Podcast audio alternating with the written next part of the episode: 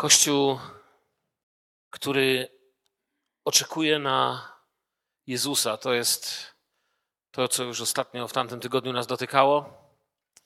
Wiecie, to jest dziwne, ale to już dziewiąty raz dzisiaj. Dziewiąty raz, przepraszam, nie dzisiaj, ale dzisiaj, dziewiąty raz staję przed Wami, aby dzielić się pierwszym listem do Tesaloniczan, który studujemy od dziewięciu tygodni.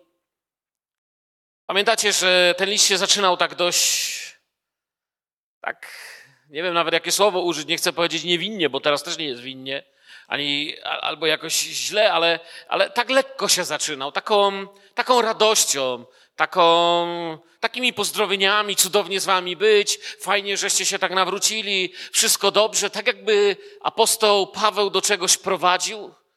Wiele razy głosząc tego listu mówiłem wam, że jest to najstarszy dokument Kościoła, jaki mamy w naszych Bibliach.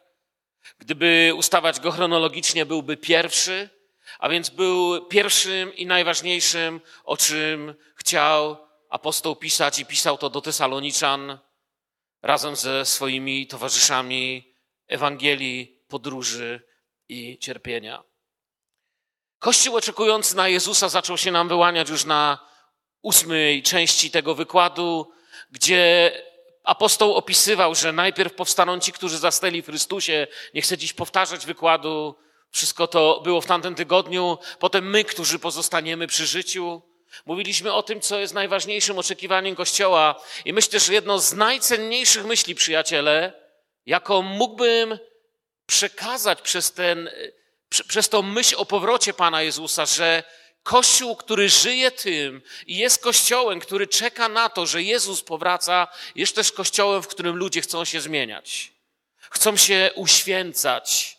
Uświęcać się znaczy stawać się podobnym do Jezusa. Kościół, w którym ludzie wiedzą, że trzeba zmienić drogi swego życia, że trzeba zostawić to, co wydaje się światu niezostawialne, nasze rany, niewybaczenia, grzechy, brudy, rzeczy. Pieszcie szaty blisko dzień wesela, jak mówiła stara pieśń przed ponad stu lat.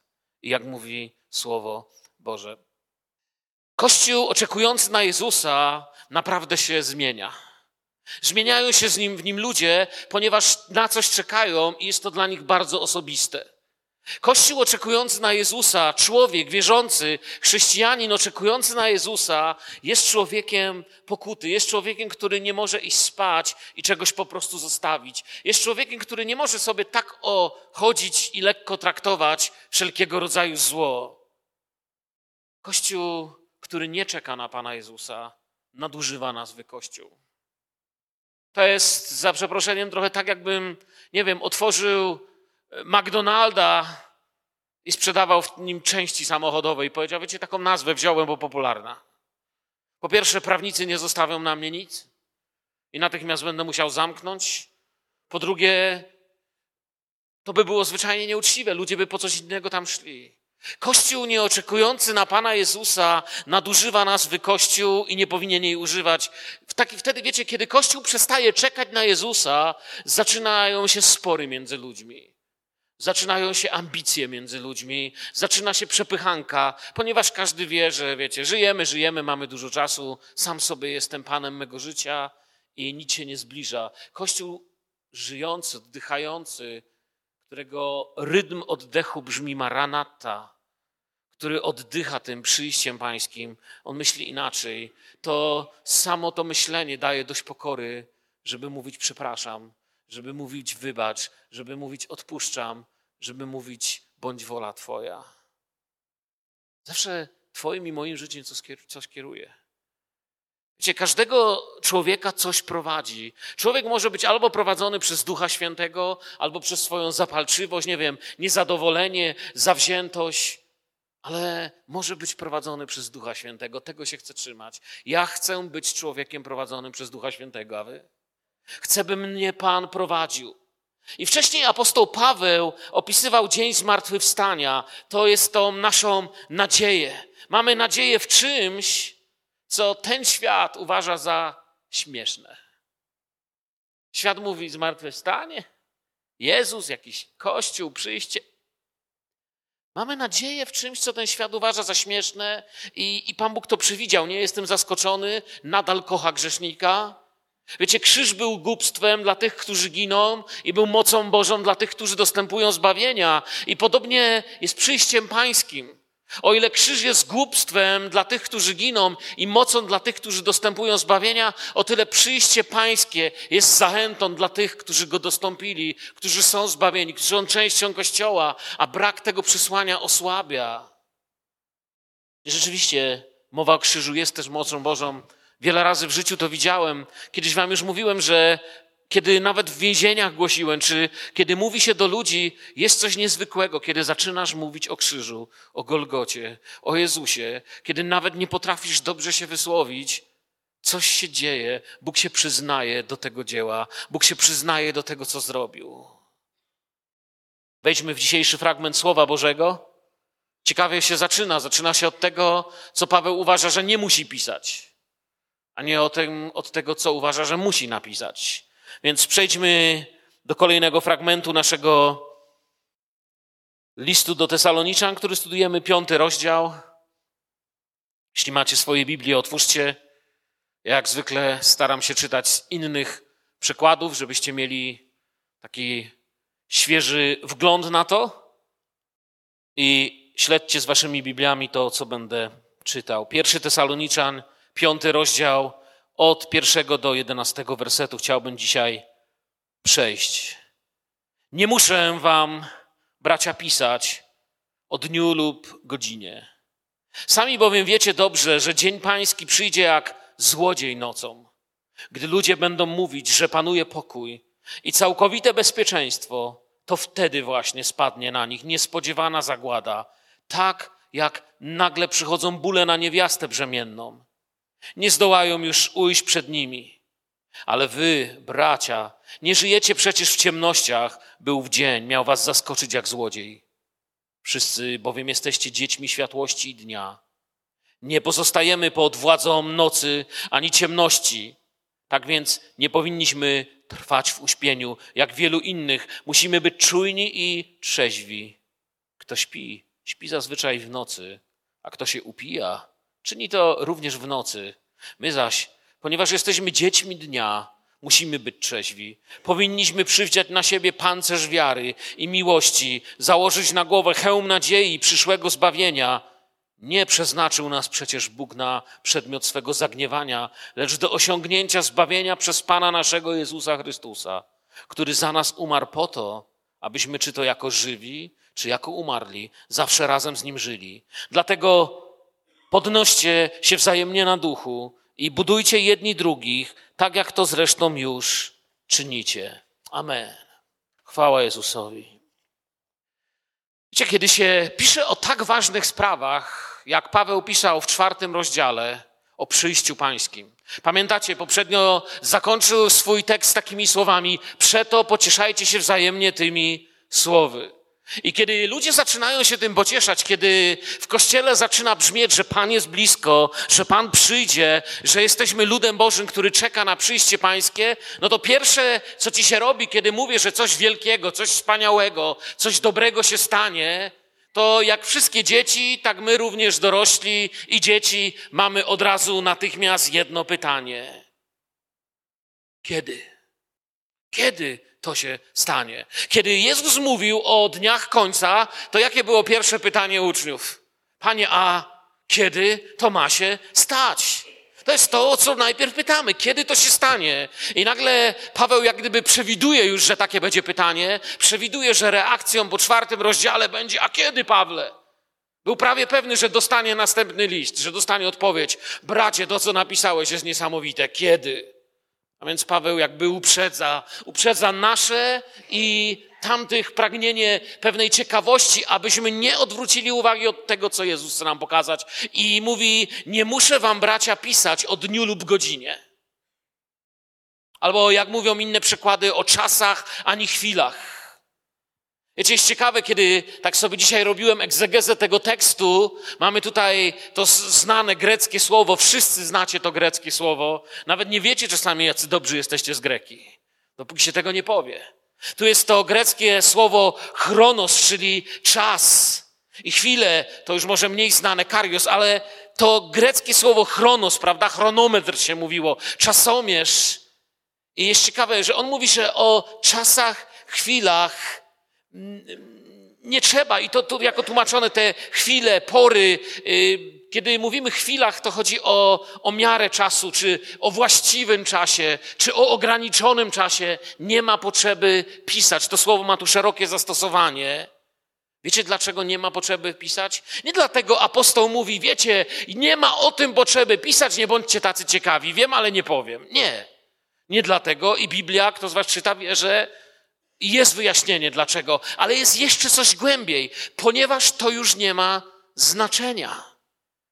Jesteśmy w liście, który opisuje przyjście dnia, kiedy na pewno nie będzie nam już coś potrzebne. Wiemy, że to, co się zbliża, rzeczywistość, która już się zbliża, śmierć nie będzie ani smutku, ani łez, ani narzekania, ale jeszcze czegoś nie będzie.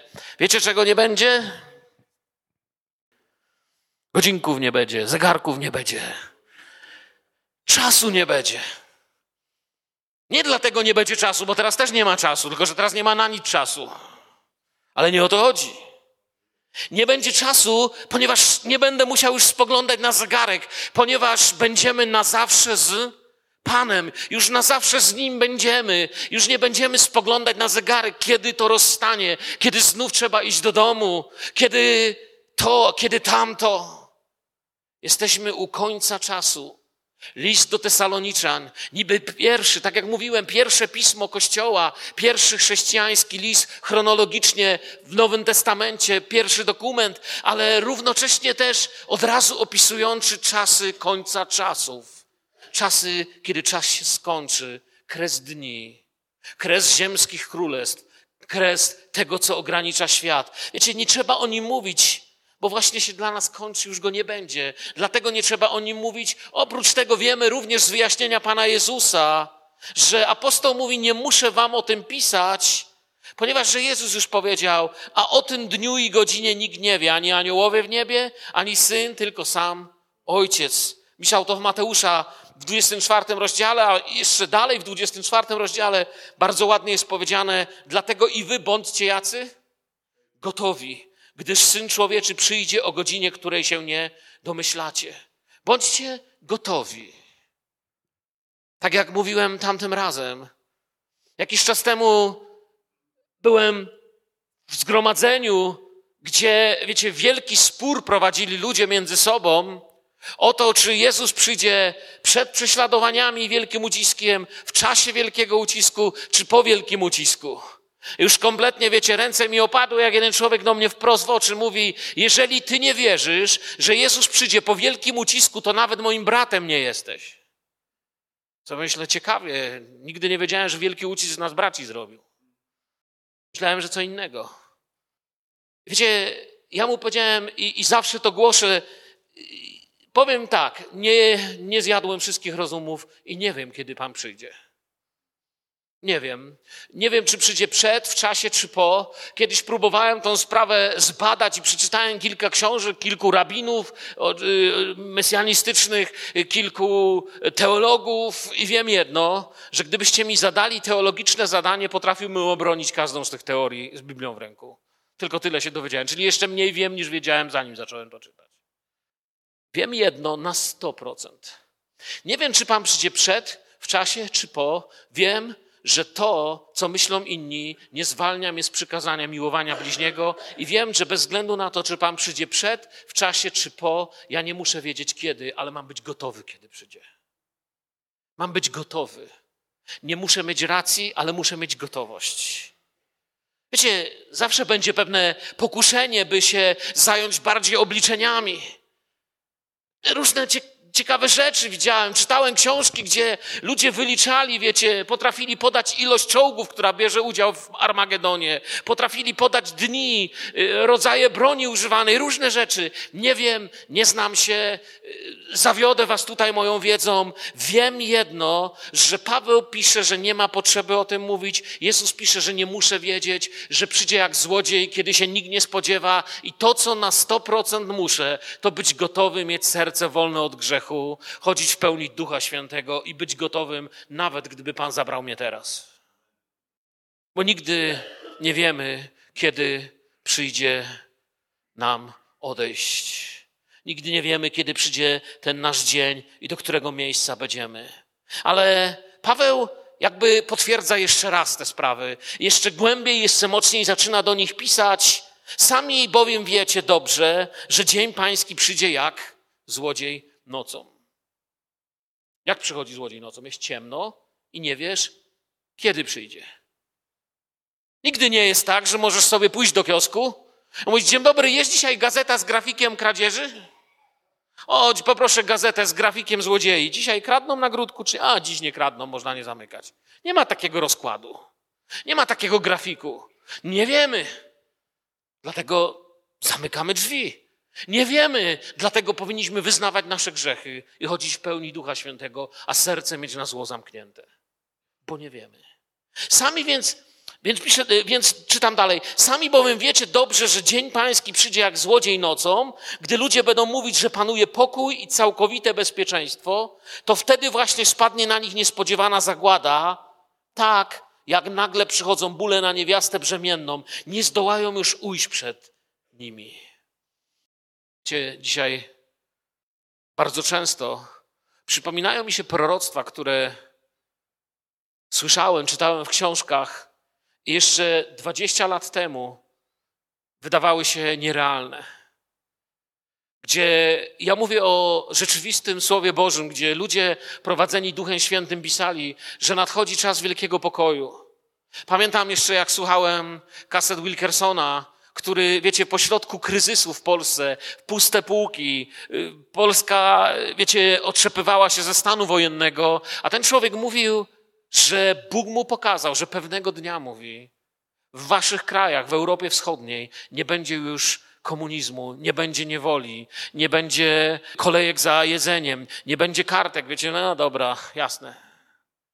Ale również mówili, że przyjdzie czas pewnego pokoju, a potem nagle przyjdzie czas wojny. Przyjdzie tak nagle, że nikt się go nie będzie spodziewał. Czyli nie chcę się dziś zajmować takimi proroczymi książkami, ponieważ chciałbym dalej pójść Słowo Boże, ale powiem Wam, proroc nie lekceważcie, mówi Słowo Boże. Ja nie mówię, żeby się przejmować, wiecie, każdą rzeczą, którą w gazecie przeczytacie. Najważniejsze jest, byście trwali w Słowie Bożym, ale rzeczywiście będą, to się spełnia, wiecie, kiedy mówią pokój, bezpieczeństwo. My widzimy, to się na naszych oczach stało. Związek Radziecki nagle okazał się, że go nie ma, nagle przyjaźń, pokój. Wiecie, trzy, trzy lata temu niecałe stadion w Doniecku hucznie oddawano, cały świat grał tam w piłkę, yy, pili piwo i kołysali się na ławkach i śpiewali, że jest wszystko dobrze. Już nawet tego stadionu nie ma. Coś tam z niego zostało. Świat nie ma pokoju. Jezus mówi, pokój ja wam daję. Nie tak jak świat daje. Bo świat daje, potem to zrywa, daje i zabiera. Najpierw ci daje, potem cię poniewiera.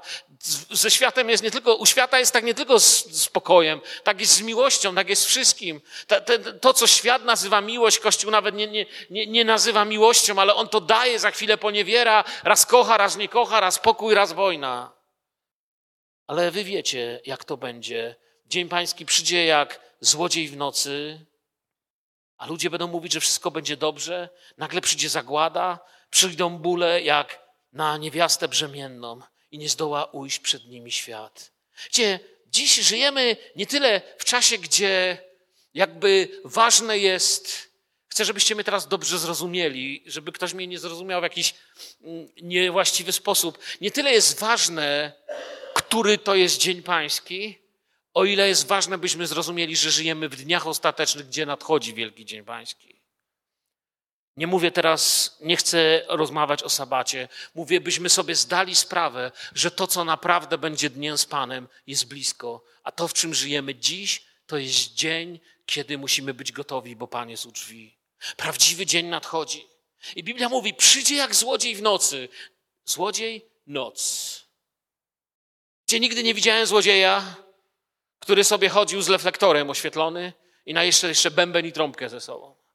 Złodziej chodzi cicho, chodzi w nocy, żeby go nikt nie widział. I dlatego zaskakuje. Noc, ciemno, wszystko wygląda w nocy gorzej. Zgadzacie się? Byliście kiedyś pod namiotami na przykład? Rozbijasz sobie namiot I kiedy świeci słoneczko, to to jest piękna polanka, drzewko, płynie rzeczka.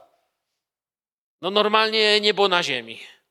Ale kiedy przychodzi noc, a jeszcze w nocy wiatr, burza, deszcz, to samo miejsce, wydaje się, że to wybrałeś chyba najbardziej, najgorsze, najbardziej niebezpieczne miejsce w lesie. Szum rzeki, szum lasu, deszczu, prawda? Noc wygląda zawsze groźniej. I ja myślę, że jakoś strasznie i nad światem zapada noc. Ja myślę, że nie trzeba być jakimś człowiekiem szczególnie obdarowanym, żeby widzieć, że nad tym światem zapada noc. Czujecie ją? Widzicie ją? Ta noc jest coraz bardziej głęboka. Tak właśnie wszystko wygląda. Czasem można odnieść wrażenie, jak gdyby zostały już tylko złe wiadomości w koszyku, jakby nie było już dobrych. Niby mówią za chwilę, że mamy pokój, że bezpieczeństwo, że znów podpisano jakąś umowę, że znów świat mówi, że wszystko będzie dobrze. Ale właśnie kiedy tak świat mówi, najczęściej jest źle. W 1939 roku, kiedy premier Wielkiej Brytanii Chamberlain wrócił z rozmów z Hitlerem, z rządem III Rzeszy, wiecie jakimi słowami przywitał ludzi na lotnisku? Przywiozłem wam pokój. Dzisiaj podobnie mówią politycy.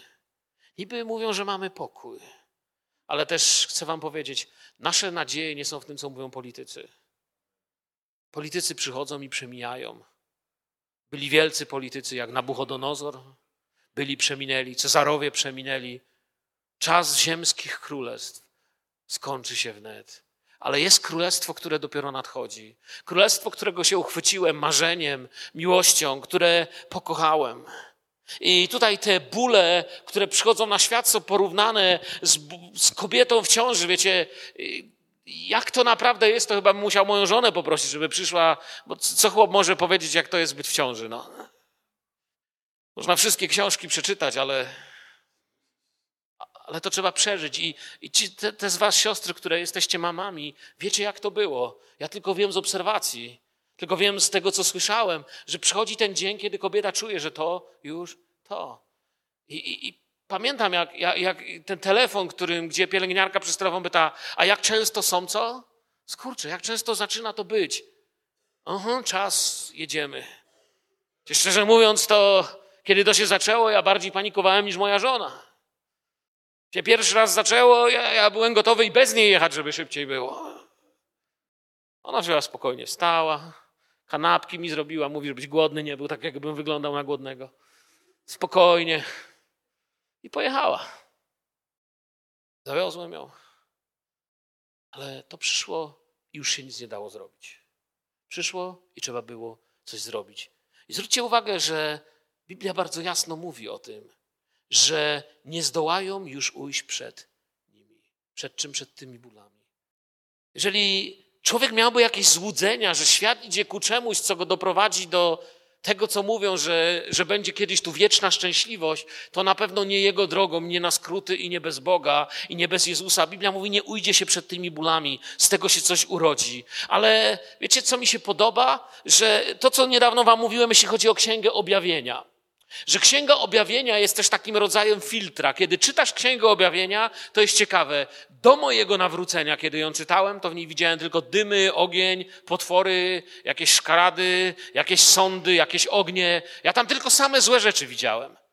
Kiedy się nawróciłem i zacząłem ją czytać jako wierzący, narodzony na nowo człowiek, Nagle zobaczyłem w niej obietnicę, pocieszenie, nowe rzeczy, wspaniałe rzeczy. Zobaczyłem, jak to, co stare przemija. Zobaczyłem, że to, co nowe nadchodzi. Zupełnie inne podejście.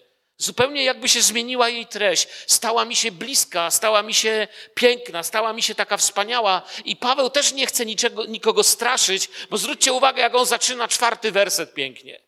Ale on mówi, ale wy, bracia, nie żyjecie przecież w ciemnościach. Tak jakby chciał powiedzieć, dobra, ale do kogo ja mówię? Ja przecież mówię do tych z was, którzy jesteście zbawieni, amen? Jeżeli masz dziś pewność zbawienia, jeżeli siedzisz na tym miejscu, wyznałeś swoje grzechy Jezusowi, bracie, siostry, jeśli jesteś wolny od grzechu, to właśnie do ciebie dzisiaj Duch Święty mówi, nie martw się, nie lękaj się, ja idę i idę po ciebie, idę dla ciebie. To, co jest tutaj, musi przeminąć. To, co widzisz przez okno, te piękne góry, teraz akurat nie widać może, ale to, co oglądamy na co dzień, to tylko podpałka z trzaskiem przeminie. Ja idę i to, co będzie nowe, jest jeszcze wspanialsze. Jeżeli nie jesteś gotowy i czujesz dzisiaj, że w Twoim sercu drażni Cię mówienie o przyjściu Pańskim, że jesteś tu, ale coś Cię boli, kiedy o tym mówię, Bóg mówi: wyznaj swoje grzechy, przyjdź pojednać się z Panem. Jeżeli jakiegoś powodu nie wiesz, jak to zrobić, nie wstydź się, podejdź do mnie, powiedz: Słuchaj, chcę porozmawiać. Ja nie wybaczę ci grzechów, ale Jezus może. Ja nie zbawię ciebie, ale Jezus może. Ja nie wiem wszystkiego, ale na pewno wiem, jak się z tobą pomodlić, żebyś miał pokój. To wiem. Ale wy, bracia, nie żyjecie przecież w ciemnościach. Żyjecie czy nie żyjecie w ciemnościach? By ów dzień miał was zaskoczyć jak złodziej. Zwróćcie uwagę, że Kościół, Biblia mówi, nie, nie będzie jakby zaskoczony. I chcę, abyście tutaj jasno zrozumieli ten werset teraz. Może od początku to słowo, ale wy, bracia, ale wy do kościoła oddziela kościół od reszty. Zwróćmy uwagę, Bóg zawsze oddzielał swoich ludzi od reszty. Reszta to jest świat. Bóg nie chce, aby ktokolwiek zginął, ale aby oglądać Królestwo Boże, człowiek musi się narodzić na nowo.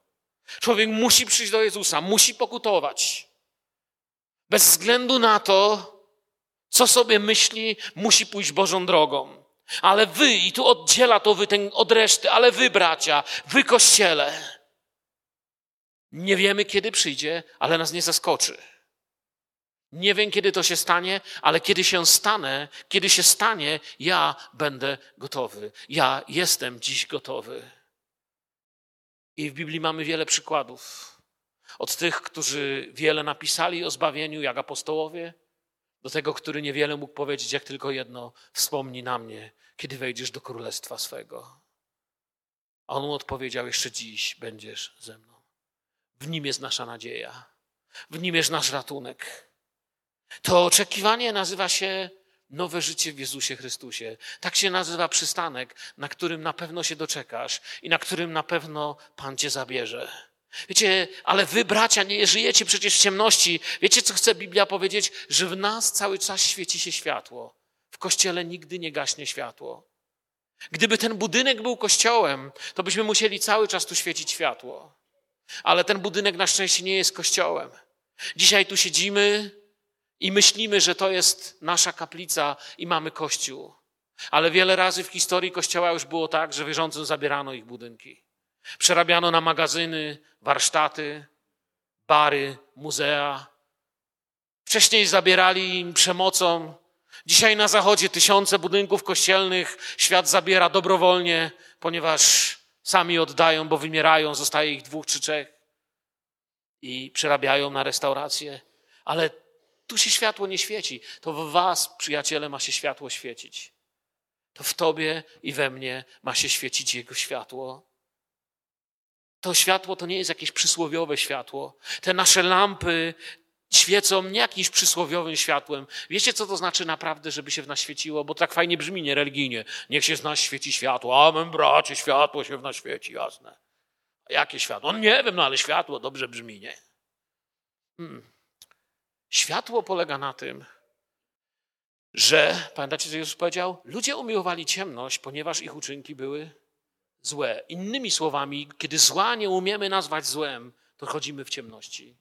Ale kiedy wszystko przed Bogiem jest w nas jawne, kiedy o wszystkim mówimy Panu, kiedy nie ma w nas ani jednego ukrytego zakamarka, do którego by Słowo Boże nie docierało i nie mogło go zmienić oświetleniem prawdy, kiedy gasi się światło, nie widać różnic, ale kiedy zaświeca, widać różnicę.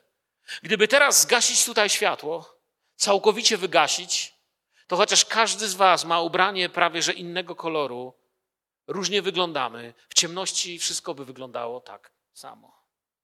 Wszystko czarne. Ale światło świeci i widać prawdę i widać kłamstwo. Widać, co się dzieje, i to jest właśnie światło. Wy, bracia, nie żyjecie w ciemności. Cały czas świeci się światło i nic nie stanie się bez naszej wiedzy, ponieważ mamy oświetlone. Będziemy to oglądać.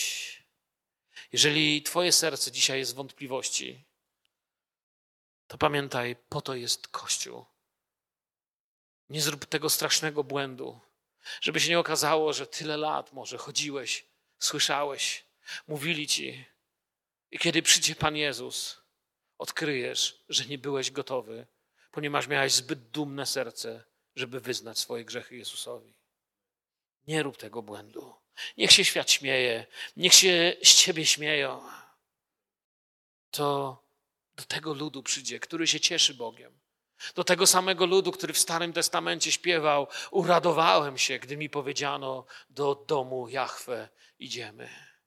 W, tej, w tym śpiewaniu, w tym psalmie, w takiej niecierpliwości wyśpiewywali, że moje stopy postawiłem już w Twoich murach, miasto święte, czy Jeruzalem. My, my tam idziemy. Ale będą ludzie, dla których ten dzień będzie jak złodziej. Trochę jak ci, którym się mówi, uważaj, tutaj kradną, a potem są zdziwieni, że zostali okradzeni. Wszystko, w co inwestowali, ludzie stracą. Ten będzie dzień w jakiś sposób złodziejski. Ponieważ kto zabiega o to, aby swego życia nie utracić, co się mu z życiem stanie? Utraci je. To będzie w tym taki złodziejski dzień. Całe inwestycje, całe wielkie życiowe plany zostaną utracone. Ale on mówi, ale wy bracia nie żyjecie przecież w ciemności. Aby ten dzień miał was zaskoczyć, on przyjdzie nagle, ale wy wiecie, że przyjdzie i możecie mieć serca w gotowości i kontynuuje dalej, piąty, szósty, siódmy, ósmy może werset. Wszyscy bowiem jesteśmy dziećmi światłości i dnia. To jest to, co powiedziałem, tak? Jesteśmy dziećmi, którym się świeci. Nie pozostajemy pod władzą nocy ani ciemności. Czyli nie boimy się, nie żyjemy w strachu, nie próbujemy czegoś ukryć, nie boimy się, że ktoś zaświeci i zobaczy, jaka to jest wielka wolność. Tak więc nie powinniśmy trwać w uśpieniu, jak wielu innych. Musimy być czujni i trzeźwi. Kto śpi, śpi zazwyczaj w nocy, a kto się upija, czyni to również w nocy. My zaś, ponieważ jesteśmy dziećmi dnia, musimy być trzeźwi, powinniśmy przywdziać na siebie pancerz wiary i miłości, założyć na głowę hełm nadziei przyszłego zbawienia. Noc nie jest w tym miejscu opisana jak czas odpoczynku, zwróćcie uwagę. Z reguły noc nam się kojarzy z odpoczynkiem. Noc nam się kojarzy z czasem przynajmniej normalnie, jeżeli jesteśmy zdrowi, nic się nie dzieje strasznego w naszym życiu, z czasem, kiedy się położymy i czasami człowiek zrobił. Oh, Macie to? Ale tutaj noc nie wydaje się czasem odpoczynku, jest czasem dramatu w tym fragmencie. W ciemną noc nic nie widać, wszystko można. W nocy też wzrasta przestępczość. Ale nie może się ukryć miasto położone na. A dlaczego się nie może ukryć? Przecież nie widać gór, to czemu miałoby być widać miasto? Bo w tym mieście się świeci, dlatego widać. W tym mieście się świeci. Gdyby się nie świeciło, to się może ukryć. Ale kiedy się świeci, nie może się ukryć miasto położone na górze. Nikt nie zapala świecy i nie kładzie jej pod korcem czy pod przykryciem. Mamy tak świecić, żeby było widać, innymi słowami. Jezus nas uczy, my mamy świecić, nie wolno nam ani sekundy zgasnąć. Chociaż czasami byłem w miejscu, gdzie mnie trochę zdmuchnęło, a was? To się muszę przyznać. Byłem parę razy w życiu w takim miejscu, gdzie zdmuchnęło mnie lekko. Jak się cieszę, że Duch Święty jest ten, który na nowo rozpala, że wystarczy przyjść i powiedzieć: Panie, zdmuchnęło moje światło, znów się władowałem w plotki. Ludzie, ja się tyle razy w różne ploty władowałem w życiu, potem wieczór się źle czułem. Potem czułem, że jestem powołany, żeby bliźniego ratować, a ja go jeszcze pod wodą przytrzymałem. Co to za ratownik, który trzyma tonącego pod wodą? Ile razy zgasło moje światło, kiedy odpowiedziałem zbyt gwałtownie? Ile razy zgasło moje światło, kiedy nie okazałem szacunku mojej żonie? Ile razy zgasło moje światło, kiedy czułem, że, że to znowu ja? Źle mi jest z tym, chcę wam powiedzieć. Chcę się palić w Duchu Świętym. Chcę chodzić w Jezusie. Źle mi jest, kiedy wam nie okazuję miłości i szacunku tak, jak powinienem. W różnych sytuacjach, czasem naprężenia. Chcę się uczyć kochać Pana i ludzi, żeby moje światło się świeciło. Myślę, że macie to samo pragnienie. Chcę świecić, kiedy Pan przychodzi. Chcę być tym, o którym powie: Jesteś mój. A ja mu odpowiem: Jestem Twój tylko z Twojej łaski. Z mojego starania tylko kłopoty. Nie może się ukryć. A więc, gdy nas trochę zdmuchnie, dbajmy o to, żeby Duch Święty nas rozpalał. Jeśli dzisiaj się czujesz taki zdmuchnięty, nie, człowiek nie zrozumie ciebie. Zostań czasami dłużej. Siądź sobie z tyłu. Albo kiedy będzie cieplej, możesz iść do lasu. Albo możesz zatrzymać samochód. Mnie się to czasami zdarza, nawet w zimowe dni. Czasami skręcam gdzieś w boczną drogę do lasu, wyłączam silnik, kupię sobie ciepłą herbatę i lubię sobie porozmawiać z Panem. Panie, bądź teraz blisko mnie. Chcę Ci powierzyć tę sprawę. Chcę Cię prosić o Twoje prowadzenie. I wtedy zmienia się nasze życie, zmieniają się nasze sposoby patrzenia. Wiecie, władza nocy i ciemności polega na tym, że robi się ciemno i nic nie widać. Ale, I to się w naszych czasach dzieje, ale światłość polega na tym, że przenika ciemność i widać. Nad nami ta władza nie panuje, ponieważ zostaliśmy kupieni. Nie należymy do ciemności, ponieważ zapłacono za nas rachunek na Golgocie. On mnie kupił i on mnie będzie sądził. I to jest dobra nowina. Co za ulga, co za radość. Dalej pisze, nie trwać w uśpieniu. Co pisze Paweł? Czy mam dzisiaj na kazaniu powiedzieć, od tej pory nikt nie śpi w naszym zborze? Nie, musimy spać. Fizycznie tego wymagamy. Ale wiecie co? Kiedy człowiek żyje dla Jezusa, to nawet jak śpi, należy do Niego. Śpisz, ale Twoja dusza, Twoje serce, Twoje wnętrze odnowione przed Pana, twój, Twoje tętno na tej bycie. Widzieliście jakieś taką maszynę do badania tętna? Badali Wam kiedyś tętno? Czasami jest takie, że się za głowę łapią, a czasami mówią, Panie, Pan ma wyjątkowo dobre. Nasze tętno, kiedy Bóg je nam zbada, wiecie jak bije? Maranata, maranata. Przyjdź, Panie, jestem Twój, czekam na Ciebie. Przyjdź, Panie, jestem Twój, czekam. To jest, nawet jak śpimy, to to w nas jest. Tylko my wiemy, w przeciwieństwie do świata, że pewnego dnia, pewnego dnia, wiecie, czym się różni nasze spanie od ich spania? Że kiedy świat kładzie się spać, myśli, że świt przyjdzie dopiero rano.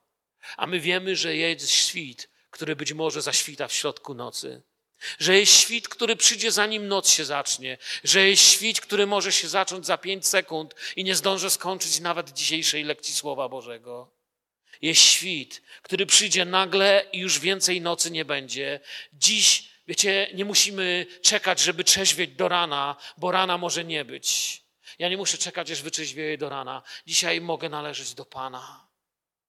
Paweł wskazuje również, że ten ostatni czas Kościoła będzie czasem wojny. Zwróćcie uwagę, że nie doradza nam błogiego odpoczynku, ale mówi, że będzie to czas wojny przez to, że mówi, aby wziąć pancerz. Pancerza się nie ubiera po to, żeby po prostu mieć spokój, ale pancerz oznacza, że będzie potrzebna ochrona. Pancerz to ochrona. Co mamy chronić? Nasze wnętrze, nasze serce. Nie ochronimy tego argumentami ani wiedzą. To świat potrafi przebić. Świat czy diabeł, czy zło ma wystarczająco mocne ostrze. Pamiętacie wykłady na temat zbroi Bożej? Nie będę się powtarzał. Jest ostrze wystarczająco ostre przebić każdą zbroję, ale jest zbroja, której przebić się nie da. Nazywa się miłość. Tej nigdy nie przebito, tej nigdy nie zabrano. Tej zbroi nie da się przebić.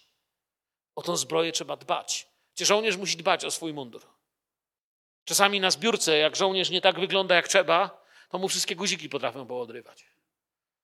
I musi potem siedzieć i wolny przeżywać. Bo musi wyglądać. O tą zbroję trzeba dbać. Przez wiarę jesteśmy zbawieni, musimy o nią dbać. Miłość jest naszym pancerzem, musimy o to dbać. To nas czyni uczniami, to nas czyni posłusznymi przykazaniu aby miłować swojego bliźniego. Miłość upodabnia do Jezusa. Stajesz się podobny do tego, który przyjdzie. Kiedy masz miłość, a kiedy go zobaczymy, będziemy do niego podobni. Co nas upodabnia? To jak on nas kształtuje, jego miłość, jego ręka. Te nasze decyzje zgodne z jego nauczaniem upodabniają nas do niego. Ludzie zaczynają mówić: Ty wybaczasz, ty darujesz, ty się nie gniewasz, ty pracujesz nad sobą. Kto jest Twoim wzorem? Jezus jest wzorem. Ja chcę, żeby był we mnie widoczny. Ale mam coś jeszcze. Mam coś na głowie. Mam Bożą ochronę na głowie, bo zło nie przestanie. Jeżeli nie może mi przebić serca, spróbuje mi zaatakować rozum. Gdzie kiedy żo żołnierz straci rozum, to wyrzuci broń. I może nawet i wyrzucić zbroję. W czasie wojny zdarzało się, że ze strachu żołnierze wyrzucali karabin, wyrzucali broń i uciekali byle dalej. Dlatego on mówi: miejcie, bądźcie w zbroi miłości ale miejcie też głowę ochronioną. Zło nie ustanie, będzie atakować. Będzie wam mówić, że jest beznadziejnie, że nie ma ratunku. Wiecie, któregoś dnia świat dojdzie do pustej ściany. I ludziom rzeczywiście braknie rozumu, ale miej nadzieję w Panu, nie daj sobie tego zabrać. Nie popadaj w panikę. Włóż hełm nadziei, ponieważ Pan też nadchodzi uzbrojony. Mówił już o tym w jednym z najbardziej niezwykłych eschatologicznych rozdziałów Starego Testamentu, w Izajasza, w 59 rozdziale Księgi Izajasza. Wiecie, co tam jest napisane? Posłuchajcie. Sprawiedliwość włożył na siebie jak zbroję i hełm zbawienia nałożył na głowę. Wdział na siebie chęć zemsty jak suknię i okrył się zazdrością jak płaszczem. I odda każdemu, co mu się należy. Gniew okaże swym przeciwnikom, pomstę swoim wrogom. Imię Pana będzie widać o zachodzie słońca, a o wschodzie słońca jego wielką chwałę. Przyjdzie on bowiem jak gwałtowny potok, pędzony samym tchnieniem Pana. Lecz przyjdzie on jako odkupiciel Syjonu i jako wybawiciel Jakubowych synów, którzy od grzechów swoich daleko odeszli. Tak bowiem Pan zawyrokował. Widzicie, jak jest opisane przyjście pańskie u Izajasza? Znowu z jednej strony świat się trzęsie, ale synowie Jakubowi, synowie wiary, synowie pańscy są pocieszeni. To jest zawsze tak. To jest tak, jak wiecie, na puszczy, kiedy lew zaryczy, to wszystkie zwierzęta się trzęsą, ale lwiątka się nie boją. Kiedy Słowo Boże mówi, możemy z niego czerpać nadzieję. Ten rozdział jest pełny odniesień do czasów ostatecznych. Jakbym miał czasu dużo dzisiaj, to z samego Izajasza 59 byśmy wiele mogli jeszcze przeczytać. Poczytajcie sobie dziś wieczorem. Pan idzie i to nie jest walka. Nie jesteśmy, wiecie, jakąś małą sektą, która walczy o swoje, ale to jest wyzwanie dla wszystkich ludzi w Chrystusie. Niech was to nie zaskoczy. Miejcie światłość w sobie. Czekajcie, opancerzeni w miłości, chroniący swój rozum nadzieją, ponieważ król wraca. Król wkrótce wróci. Król jest w, w drodze. To zło nie jest królem, nie zwycięży. Złem jest szatan z jego esencją nienawiści. On jest inicjatorem zła. On jest tym, który namawia do zła, ale on nie jest tym, który wiecznie, on nie jest nawet, y, wiecie, on jest tylko stworzeniem. Bóg zwycięży, Bóg jest miłością. Bóg zwycięży. Wiecie, zło ma wbudowane w sobie pełną pułapkę. Coś wam powiem na temat zła. Zło ma pułapkę na siebie wbudowaną. Im bardziej się nasila, tym mocniej widać dobro. Im bardziej zło się nasila, tym bardziej widać dobro. Czyniąc większe zło, zło zaczyna niszczyć samo siebie. Zło jest trochę jak wąż, który odkrył, że czyjś ogon leży przed jego nosem i ugryzł go i poczuł ból. Zło gryzie własny ogon. Ono ma koniec, ale Bóg jest miłością, a miłość nigdy nie przeminie, nie ustanie. Zło ma w sobie coś apokaliptycznego. Wiecie, co jeszcze zło ma ciekawego w sobie? Że zło, kiedy się pojawia, zaczyna otaczać, przemawiać, mówić, działać, pokazuje nam też prawdę o nas samych. Czy to nie jest dziwne? To jest straszne, mnie przeraża. Ale zło też pokazuje prawdę o nas. Kiedy ludzie robią zło, widać o nas prawdę, co mówimy, jak reagujemy, co wybieramy, kim jesteśmy. Cokolwiek ten chory świat będzie wmawiał, chcę, byś wiedział, co mówi apostoł. Dziewiąty, dziesiąty werset Poli. Zbliżamy się do końca tego fragmentu. Nie przeznaczył nas przecież Bóg na przedmiot swego zagniewania, lecz do osiągnięcia zbawienia przez Pana naszego Jezusa Chrystusa, który za nas umarł po to, abyśmy czy to jako żywi, czy jako umarli zawsze z Nim żyli. To macie sens Kościoła. Jeżeli kiedyś nie będziesz wiedział, jaki sens ma Kościół, to to jest sens Kościoła. Ja kocham Kościół. Nie zrozumcie mnie źle. Nie kocham chodzić na nabożeństwa do kościoła i to wszystko. Kocham Kościół jako całość i z nabożeństwami, i z wszystkim. Kocham być w kościele, kocham tym oddychać, wiedzieć, że należy do Pana Jezusa. Masz przeznaczenie. Od, po coś jesteś, dokądś zmierzasz. Dzisiaj siedzisz tutaj na tym krześle. Teraz tam na dole tysiące aut jedzie po autostradzie. Ludzie wokół żyją. Każdy ma sens. Zbliża się Dzień Pański. Kościół ma sens, Ty masz sens. I gdy apostoł nauczał nas o przyjściu Pańskim, mówił do nas tak, abyśmy się pocieszali tymi słowami. Pamiętacie? Teraz mówi o chwilach poprzedzających przyjście. O czasie, kiedy na świat przyjdzie strach, depresja, bezprawie.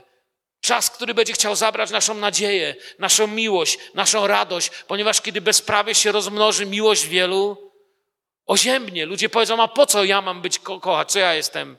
Naiwny? Co ja jestem? Nie, nie będę tego robił. Wiele rzeczy się zmieni, ale on mówi: Nie dajcie sobie zabrać tego, co ja w was włożyłem. Dlatego w kościele macie wielkie zadanie wobec siebie. I końcowy werset mówi: Czwarty rozdział kończył się, przeto pocieszajcie się tymi słowy. Kiedy mówił, co się stanie, kiedy Pan przyjdzie. Ale teraz, kiedy mówi, co się będzie działo przed tym, mówi, dlatego podnoście się wzajemnie na duchu i budujcie jedni drugich tak, jak to już zresztą czynicie. Podnosić na duchu. Wiecie, człowiek może nieść przygnębienie i smutek. Są tacy ludzie, którzy wiedzą, jak sprawić, żebyś płakał, jak sprawić, żeby bolało, jak sprawić, żebyś był smutny. Ale my nie mamy być takimi ludźmi. My mamy być ludźmi, którzy niosą rozwiązanie dla tego świata, którzy są receptą żywą, chodzącą dla tego świata, którzy są lekarstwem, którzy są zwiastunami, którzy są przesłaniem, którzy mają dobrą nowinę w sobie i dla świata, budować jedni drugich. Wiecie, bliźniego można też niszczyć, rujnować. Zrujnował was ktoś kiedyś? Zrujnowaliście kiedyś kogoś? Ja myślę, że mógłbym o sobie powiedzieć jedno i drugie. Myślę, że jedno i drugie. Jedno muszę wybaczyć, inne mi trzeba wybaczyć. Bo Bóg nas wzywa, byśmy byli tymi, którzy budują. Budować jedni drugich. Zanim przyjdzie Pan. To jest nasze zadanie. Co robimy? Czy jesteśmy Kościołem Pana, posłusznym temu słowu? Słuchajcie, to nie jest sugestia. Jakbyście mogli, to się tak budujmy trochę. To jest Boże przykazanie. Żyjemy w czasie decyzji. To nie jest czas kazań, kiedy przyjeżdżamy i oceniamy kazanie. No, słyszałem lepsze, słyszałem gorsze. Być może to jest moje najgorsze kazanie, jakie mówię, ale to nie ma znaczenia. Bóg nie mierzy, Bóg nie prowadzi listy przebojów kazań. Bóg chce do ciebie mówić. I Bóg mówi: Niech Twoje życie buduje życie Twoich bliźnich. Bądź człowiekiem światła, człowiekiem miłości. Żyjesz w czasie decyzji, nie w czasie słuchania kazań. Nie jesteś u fryzjera, żebyś usiadł, a ja cię obsłużę słowem. Jesteś dzieckiem Bożym, jesteś Bożym pracownikiem, Bożym narzędziem. Żyjemy w czasie decyzji. Powiem Wam coś takiego. Pan nie zacznie nadchodzić za dwa tygodnie. On już nadchodzi. On już od dwóch tysięcy lat ma Kościół czasów ostatecznych. On już nadchodzi. Dziś w nocy Jego przyjście się przybliżyło, a godzinę temu, kiedy zaczynaliśmy nasze nabożeństwo, było dalej niż jest teraz. Godzinę mniej życia miała, masz dzisiaj, masz teraz niż godzinę temu. Ale godzinę bliżej Pana jesteśmy. On nadchodzi i nadejdzie nowy świt. Wstanie nowy poranek, ale nie będzie potrzebne słońce, żeby było jasno. Co rok trwa Boża łaska. Prawie co rok z jakiegoś powodu Duch Święty sprawia, że słyszymy z którejś kazalnicy, na którejś konferencji, na którymś miejscu. Co rok słyszymy, Panie, pozostaw je jeszcze ten rok, aż je okopię i obłożę nawozem. Może wyda owoc w przyszłości. Jeśli zaś nie, wytniesz je. I znowu w tym roku Pan do Ciebie mówi. I znowu się wstawia za Tobą. I znów Boża miłość cię ochrania. I Bóg mówi jeszcze jeden rok. Chcę, żebyś zostawił uczynki ciemności. Chcę, żebyś oświetlił swoje życie. Stań się człowiekiem światłości. Człowiekiem, który nie musi się wstydzić. Jeszcze rok. Twój rok. Twoja szansa. Jego łaska. On daje miłość. Możesz wziąć. Bez względu na to, ile lat tu chodzisz. To nie jest słowo do baru w Tesalonice. To nie jest słowo do więzienia w Tesalonice. To jest słowo do kościoła w Tesalonice. My w niczym nie jesteśmy lepsi niż oni.